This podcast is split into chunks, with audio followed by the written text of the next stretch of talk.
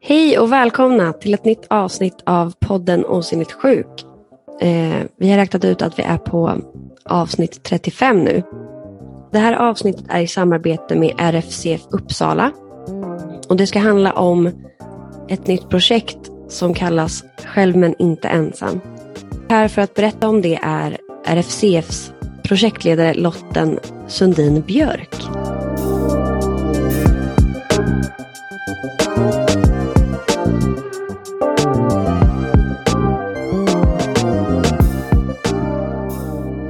Hej Lotten! Tjena, tjena. Innan vi börjar berätta om projektet kanske du kan berätta lite om dig själv. Jag vet ju redan vem du är och du har ju varit med mycket i bakgrunden men det kanske inte det alla kan, lyssnare Det kan ju faktiskt vet finnas en och annan som inte vet vem jag är. ja. Kändis inom RFCF. Men jag har ju jobbat som projektledare för RFCF ända sedan i december 2013. Så jag börjar liksom vara en av dem som har varit med länge nu. Mm. Ja, Och började, kom då in utan att ha någon aning om vare sig cystisk fibros eller primär ciliär dyskinesi. Visste ingenting. Jag hade aldrig hört talas om dessa sjukdomar. Och eh, ja, fick tjänsten som projektledare för projektet Vår framtid.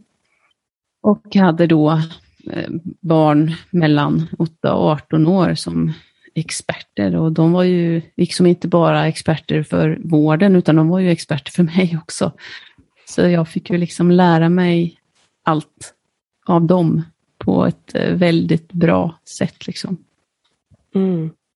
Och nu är jag inne på det tredje arvsfondsprojektet.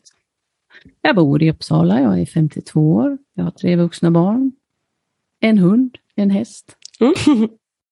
Och sen är jag utbildad som präst egentligen, så jag var ju präst innan jag hamnade här. Då.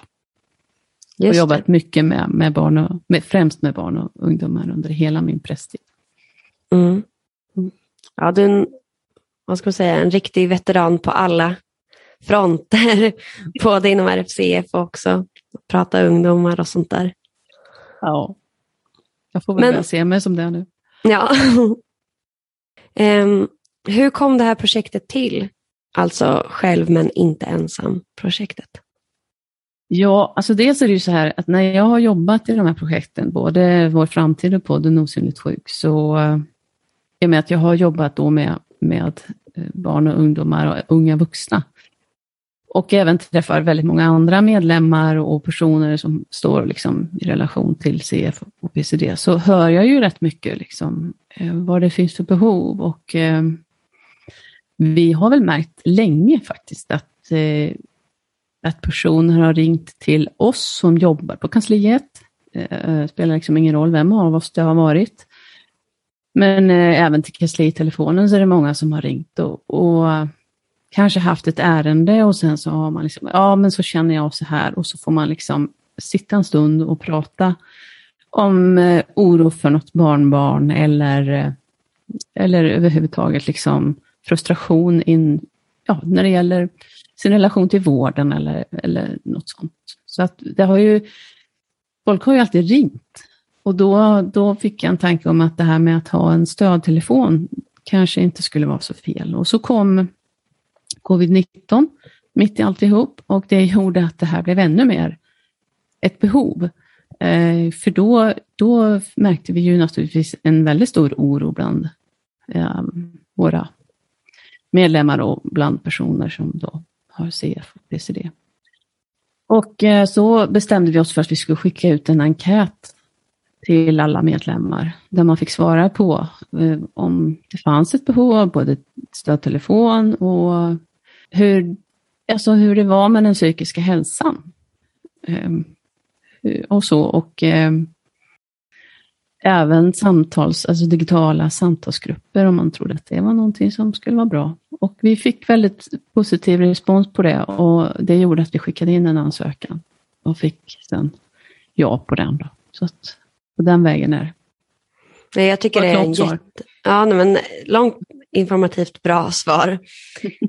jag, ty- jag tycker att eh, det är en jättebra idé. Och det är bra med stödtelefon också att man, man kan få hjälp direkt. Och att det kan vara intimt fastän att det ändå är anonymt. Det, det, det är väldigt bra.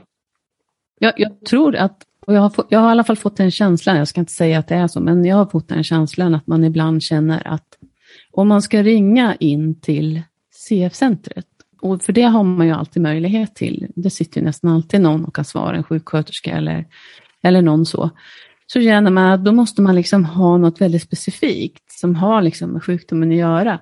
Men till den här telefonen kan du ringa om precis vad som helst egentligen som, som du går omkring och, och funderar och grubblar på eller är orolig. Utan att känna att du belastar sjukvården. Liksom. Mm. Exakt, och den här är till för både folk som har CF men också anhöriga, eller hur? Ja, exakt. Um, det, den, den är till för alla som lever med cystisk fibros och, och, eller PCD eller är anhörig. Och det, det, kan ju vara då att, att du har ett barn med, med CF eller PCD, att du eh, har ett syskon, en partner, ett barnbarn, ett syskonbarn.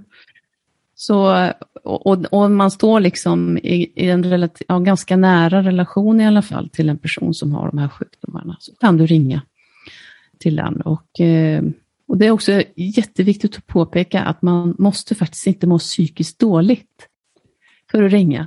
Utan mm. det kan ju vara så att man bara behöver få prata av sig lite. Frustration, ilska, oro, rädsla, vad som. Liksom. Och det, jag tror att det finns en föreställning om att om man ska ringa en sån här telefon så måste man liksom ha ett specifikt pro, psykiskt problem och, och liksom vara men då är det ju inte oss man ska ringa, utan då är det ju sjukvården om man behöver liksom professionell hjälp.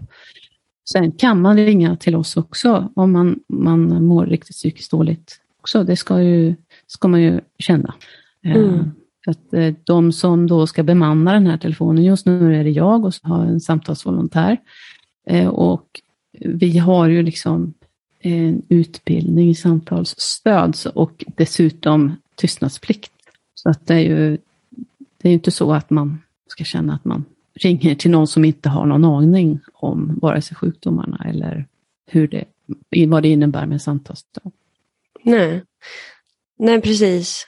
Men det man får är någon som lyssnar på en och någon som kan vara lite som en kompis, fast ändå har mm. lite mer på fötterna.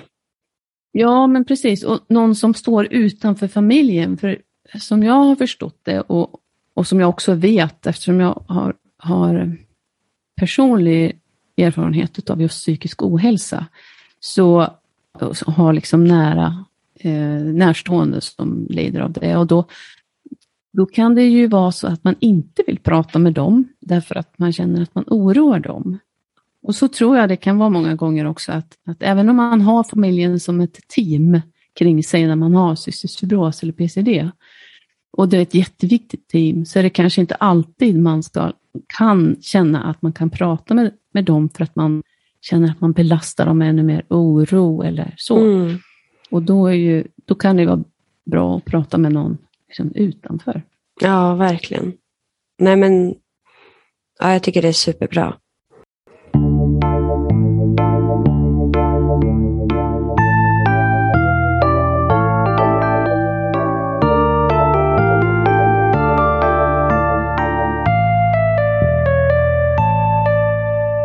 Vet du hur det är, eh, hur det ser ut idag med den psykiska hälsan hos folk som har CF eller PCD? Finns det någon forskning på det? Ja, det finns forskning. Eh, inte så mycket på barn och ungdomar, i Sverige i alla fall, som jag har inte hittat det. Men eh, när det gäller liksom den psykiska hälsan bland vuxna CF-are så finns det bland annat en, en avhandling med Lena Backström Eriksson som är psykolog på vuxenmottagningen i, i Huddinge. Eh, och så finns det en avhandling av Stina Järvholm som är psykolog på vuxenmottagningen på CF-centret i Göteborg. Mm. Ja.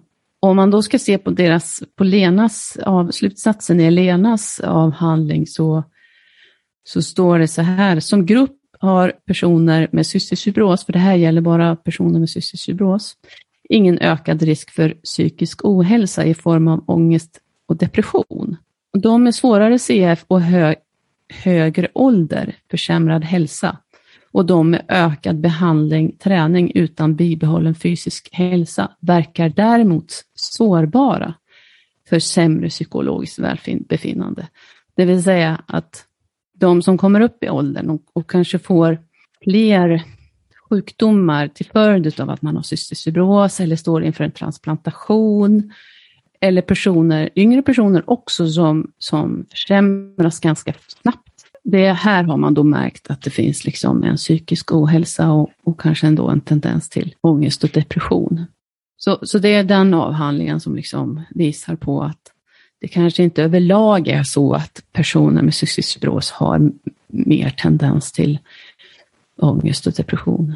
Men just vid de här då specifika. Mm. När det gäller den som man gjorde då på vuxna i Göteborg, det var en screening på patienter med CF mellan 18 och 65 år. Och hur ofta det då var förekommande med ångest och depression hos dessa personer. Och, och, så ville man också veta hur de ställde sig till en årlig screening, alltså till exempel vid eh, årskontrollen, att man då fick ställa frågor till de här personerna just kring specifikt och kring psykisk hälsa. Och den slutsatsen visade sig att eh, patienterna ansåg att det skulle vara väldigt bra med en årlig checkup liksom, för psykisk hälsa eh, och med bra frågor. Liksom. Mm. Även om screeningresultaten är lugnande är gruppen heterogen och yngre individer bör ge extra uppmärksamhet, står det också i den här eh, avhandlingen. Stod det något mer på den forskningen av Stina och Lena? Nej, men det jag vill säga är ju också hur det ser ut med forskningen när det gäller PCD, personer med PCD. Eh, Just det. Och här är ju forskningen i Sverige ganska, alltså det finns i princip ingen forskning när det gäller PCD. Det är lite mm, enstaka här och där, men då finns det i alla fall en forskning från Nederländerna. Och eh, där har man också gjort screening då på personer som lever med PCD. Och eh, kommit fram till att eh, hos de personerna så finns det en hög grad eh, av risk liksom för att drabbas av eh, depression. Både hos de som har sjukdomen men också hos deras anhöriga. Men mer än så vet jag egentligen inte om den forskningen, men eh, man har kunnat konstatera det via det här, de studier man har gjort. Intressant att det är så stor skillnad också. Ja, man kan ju undra vad det beror på. Det, det, skulle vara intressant att få veta lite mer om den studien. Mm. Eh, och sen är det ju också det att vi når ju så få personer med PCD i Sverige idag. Eh, och vi skulle ju önska att vi nådde fler, för då skulle vi liksom få mer grund för, för vad, hur personerna mår.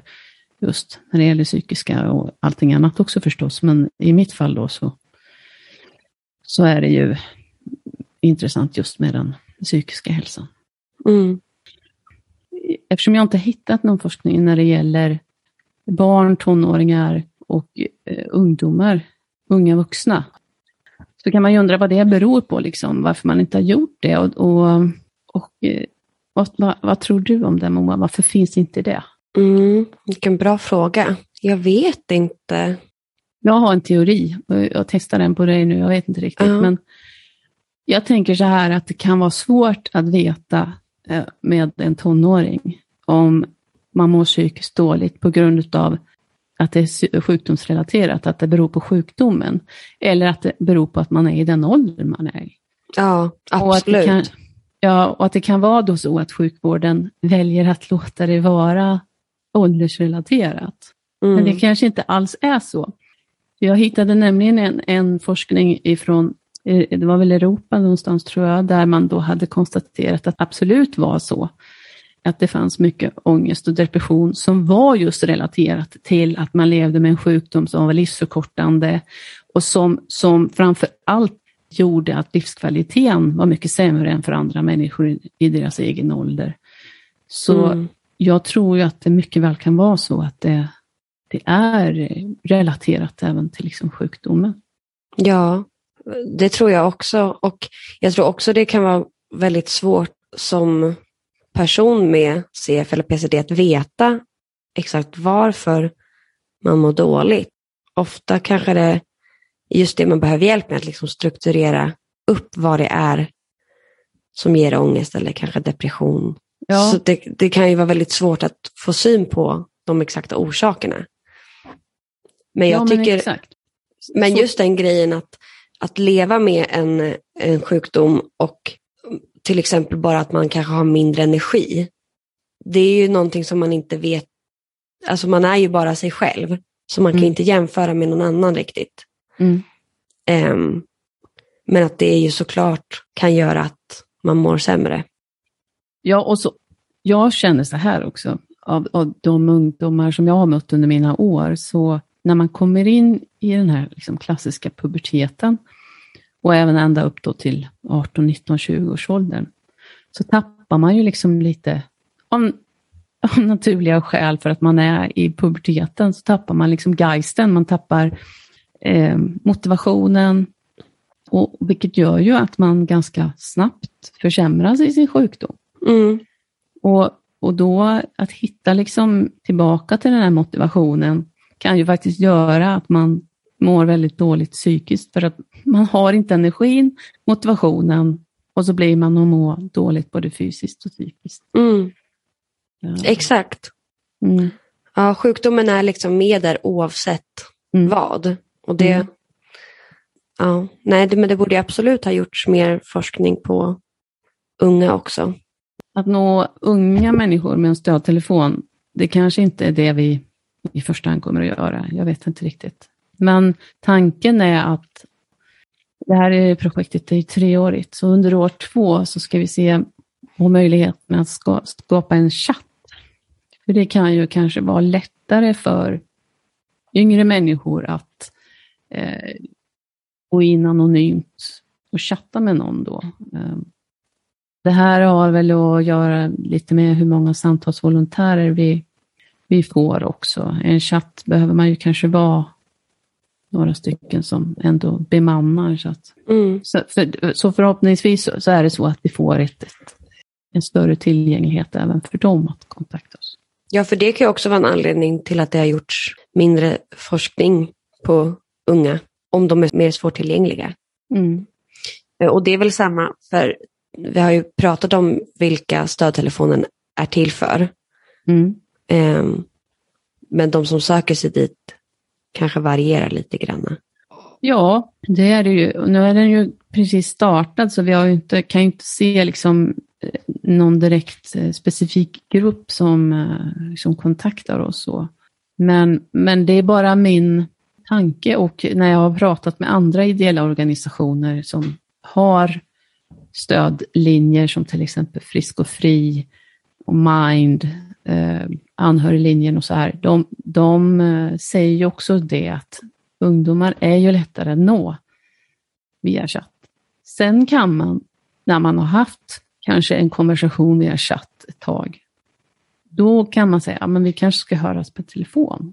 Men det, man, bygger liksom, man måste bygga förtroende där och att de yngre människorna kanske behöver känna att de ändå kan säkert vara liksom anonyma och man kan liksom inte höra deras röst. Så det är lättare liksom att chatta med någon. Mm. Men du, bara... du sitter ju själv i en chatt, eller har suttit i alla fall. Ja, precis. Jag sitter fortfarande och chattar eh, för killar.se. Det är en falang av organisationen Män. Och då är det riktat just till unga killar mm. mellan 10 och 20 år. Um, och, och, det är nog som du säger att de kanske inte skulle ringt mig utan föredrar chattande. Mm. Den här stödtelefonen, vem som helst kan ringa oavsett ålder. Precis. Hoppas att, att den ska, ja men att människor ska uppskatta att den finns och att man, att man kan liksom känna att ja, man, jag, jag vet att jag kan ringa någon mm. i behov. Liksom. Ja, precis. STEV och PCD-världen ska vi säga, är ganska liten ändå. Så det finns väl kanske alltid den där rädslan för att ja, men de kommer ju ändå känna igen vem jag är. Ja, precis. Men, men det är ändå så att vi är anonyma för varann. Och framförallt så är det ju så att ingenting går, skrivs ner, gör inga anteckningar och det stannar ju i samtalet. Så liksom det, även om jag då skulle eventuellt kunna känna igen den som ringer så, så spelar det liksom ingen roll. Att det är ingenting som på något sätt förs vidare. Så man ska känna den tryggheten. Och ibland kan det ju också vara skönt att veta vem man pratar med. Men eh, vi säger i alla fall inte våra namn. Nej. Nej. Och det skulle ju kunna vara så att man pratar med olika, olika gånger eftersom Ja, precis. det finns olika som Mm. pratar i telefonen. Mm. Och har man då medicinska eh, frågor och så, då, då hänvisar vi ju till att man får söka sig till sjukvården istället för att vi har ju inte den kompetensen att svara på sådana saker. Utan vi är ju mest, vi, vi lyssnar ju. Liksom. Vi, vi eh, eh, lånar ut våra öron. Och, eh, det handlar inte om att man ska liksom få råd och, och tips på olika saker, träningar eller you name it. Liksom. Utan det är, vi lyssnar och eh, bekräftar.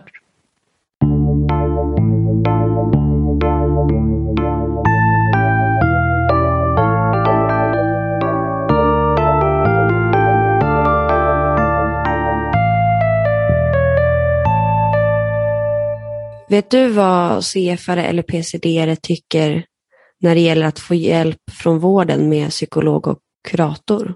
Tycker de att man får den vård som man behöver?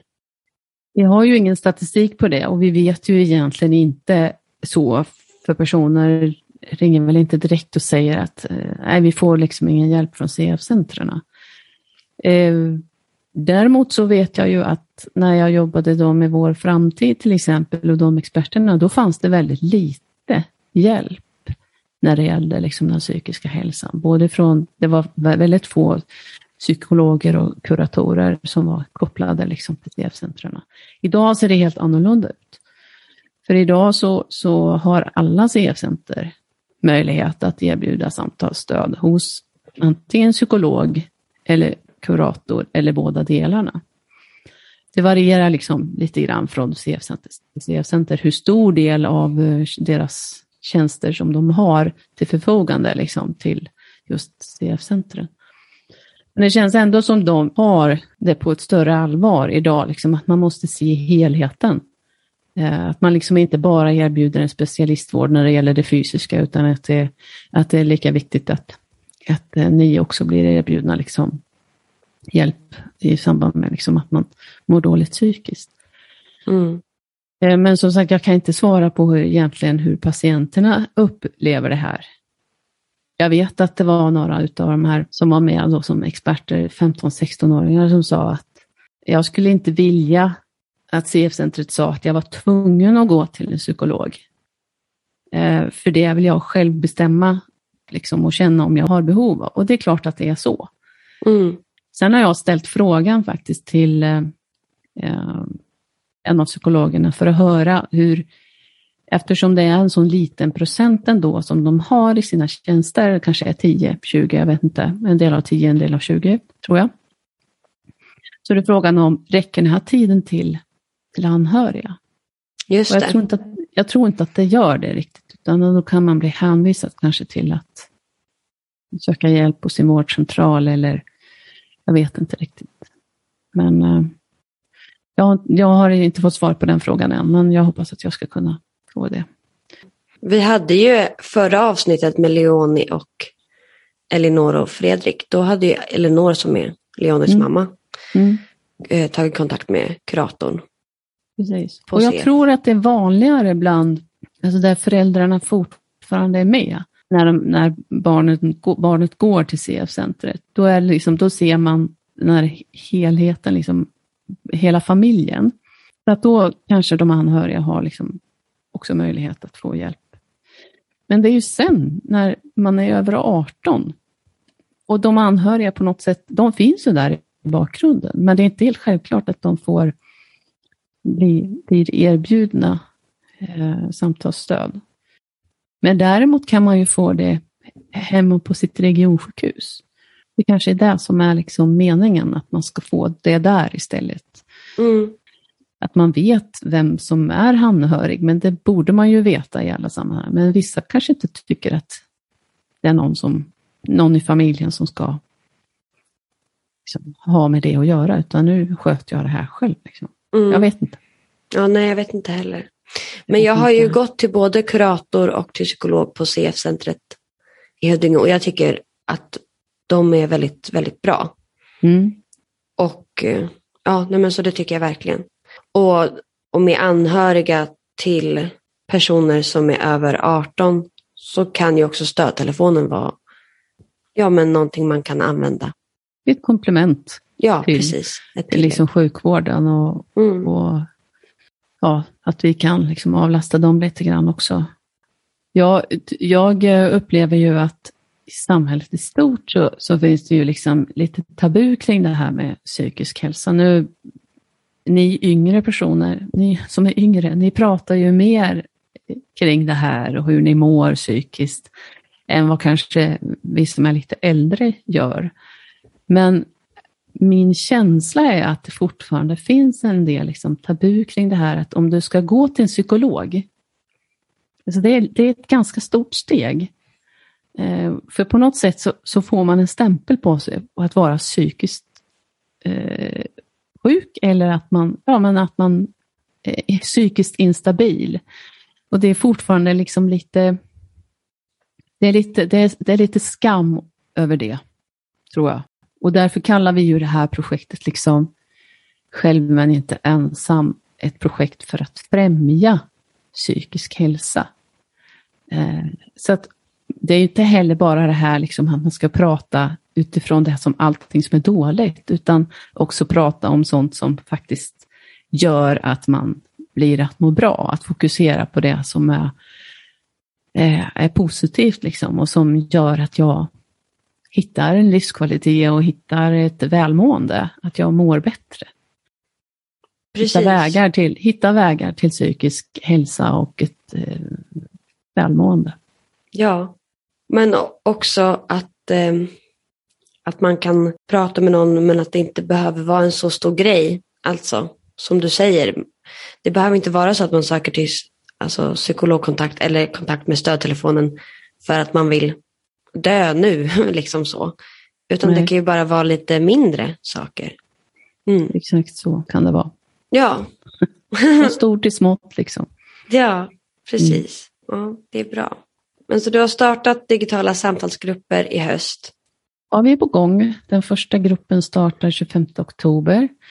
Och det är våra kära överlevare som vi kallar dem. Eh, CF-are, alltså personer med CF 50 plus som då eh, har anmält sitt intresse för att vilja träffas och, och prata om det som liksom berör dem och eh, så. Så att det, det, ska bli jätteroligt att starta upp med dem.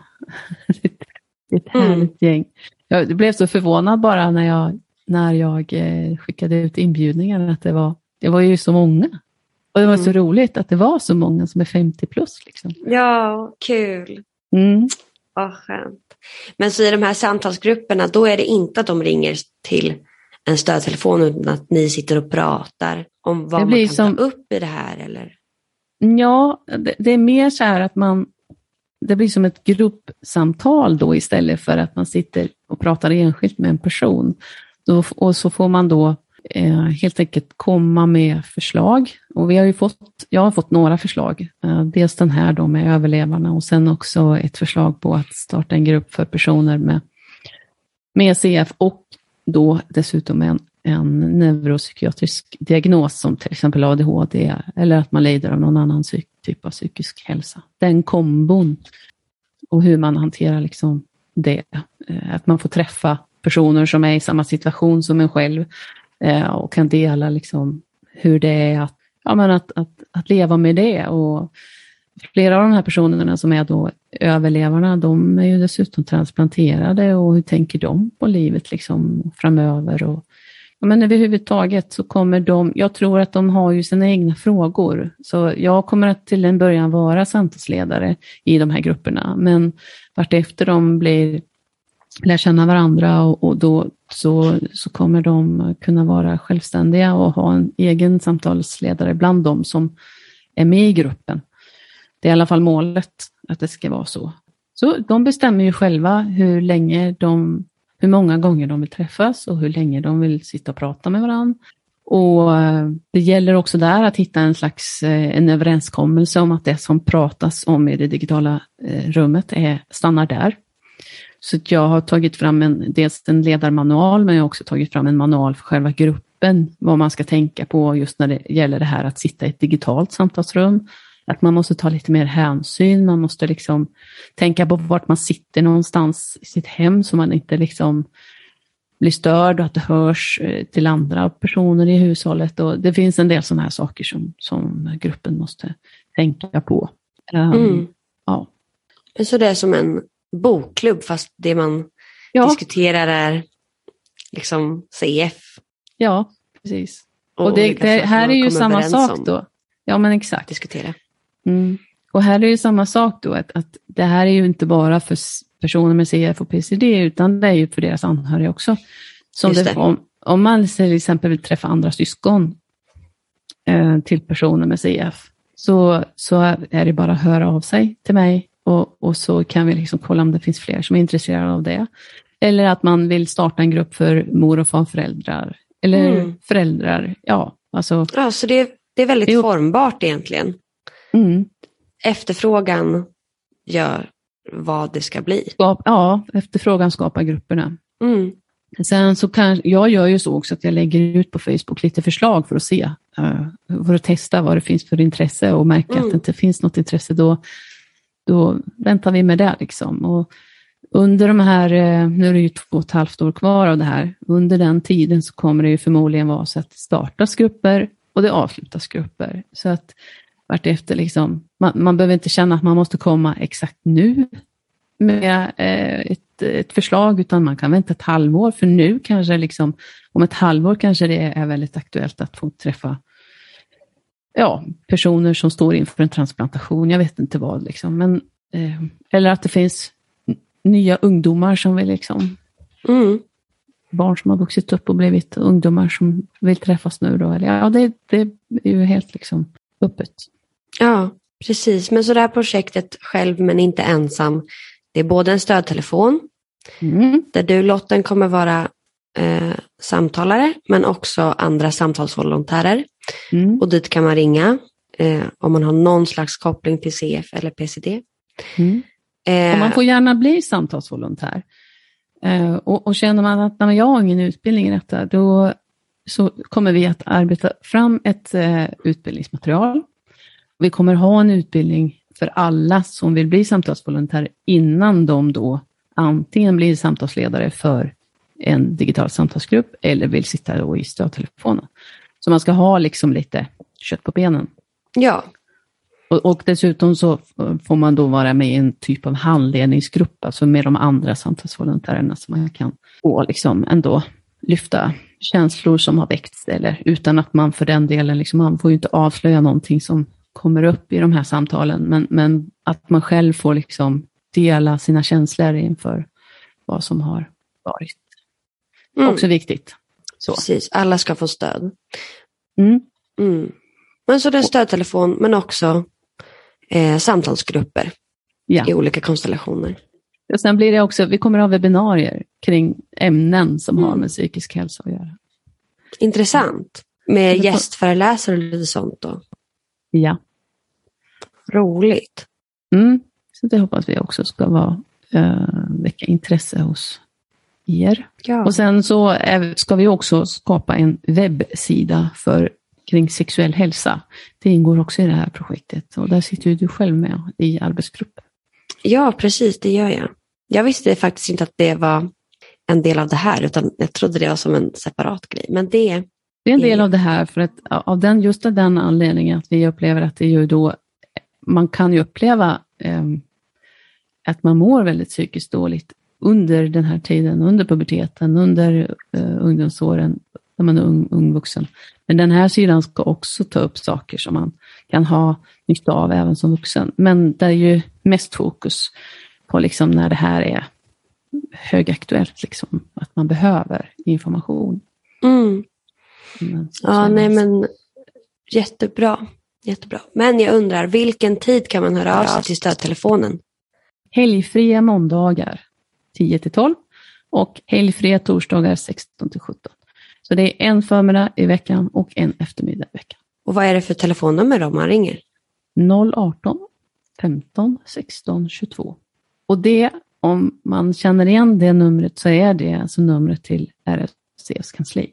Men när man kommer dit och ringer det numret, då hamnar man i en digital molnväxel som man då får välja två alternativ. Trycker du ett så kommer du till kanslitelefonen. Trycker du två så kommer du till stödtelefonen. Är den inte öppen, då får du veta det. Eller så kopplas du vidare. Och det är ju också jättebra. Att, mm. Eh, att man inte måste liksom säga till kanslireceptionisten att ja, hej, jag vill prata med någon, utan att man kan välja det själv. Precis. Precis. Och dessutom syns inte telefonnumret i min telefon, utan då är det 018 15 16 22. Så jag ser inte vem det är som ringer. Perfekt. Det är också bra. Ja, jättebra. Mm. Jag kan ju säga vad jag tycker. Jag tycker att eh, det här är en jättebra idé. Jag tycker det är så kul att det är så på något sätt så allomfattande. Att det är för alla möjliga människor och att det finns så många olika delar av projektet ändå. Alltså både gruppsamtal, individuella samtal, en webbsida så småningom om sexuell hälsa och sam sex och samlevnad. Ja, nej, jag tycker det är jättebra. Mm. Mm. Ja, men det är, ju, det är ju brett och det är ju liksom eh, informativt, upplysning, eh, både liksom till personal, men, men att det här är ju ett projekt verkligen för våra medlemmar. Och mm. inte bara medlemmar ska jag säga, utan oavsett om du är medlem i RFCF eller inte, så är du liksom välkommen att vara med. Eller ringa. Ja. Mm. Men eh, tusen tack Lotten att du har varit här och berättat om det här projektet hoppas det är några fler nu som, som ringer till ja, telefonen. Ja, det hoppas jag med. Tack, jag fick vara med. Ja, eh, och jag som också har pratat och intervjuat heter Moa. Tack för oss. Hej då!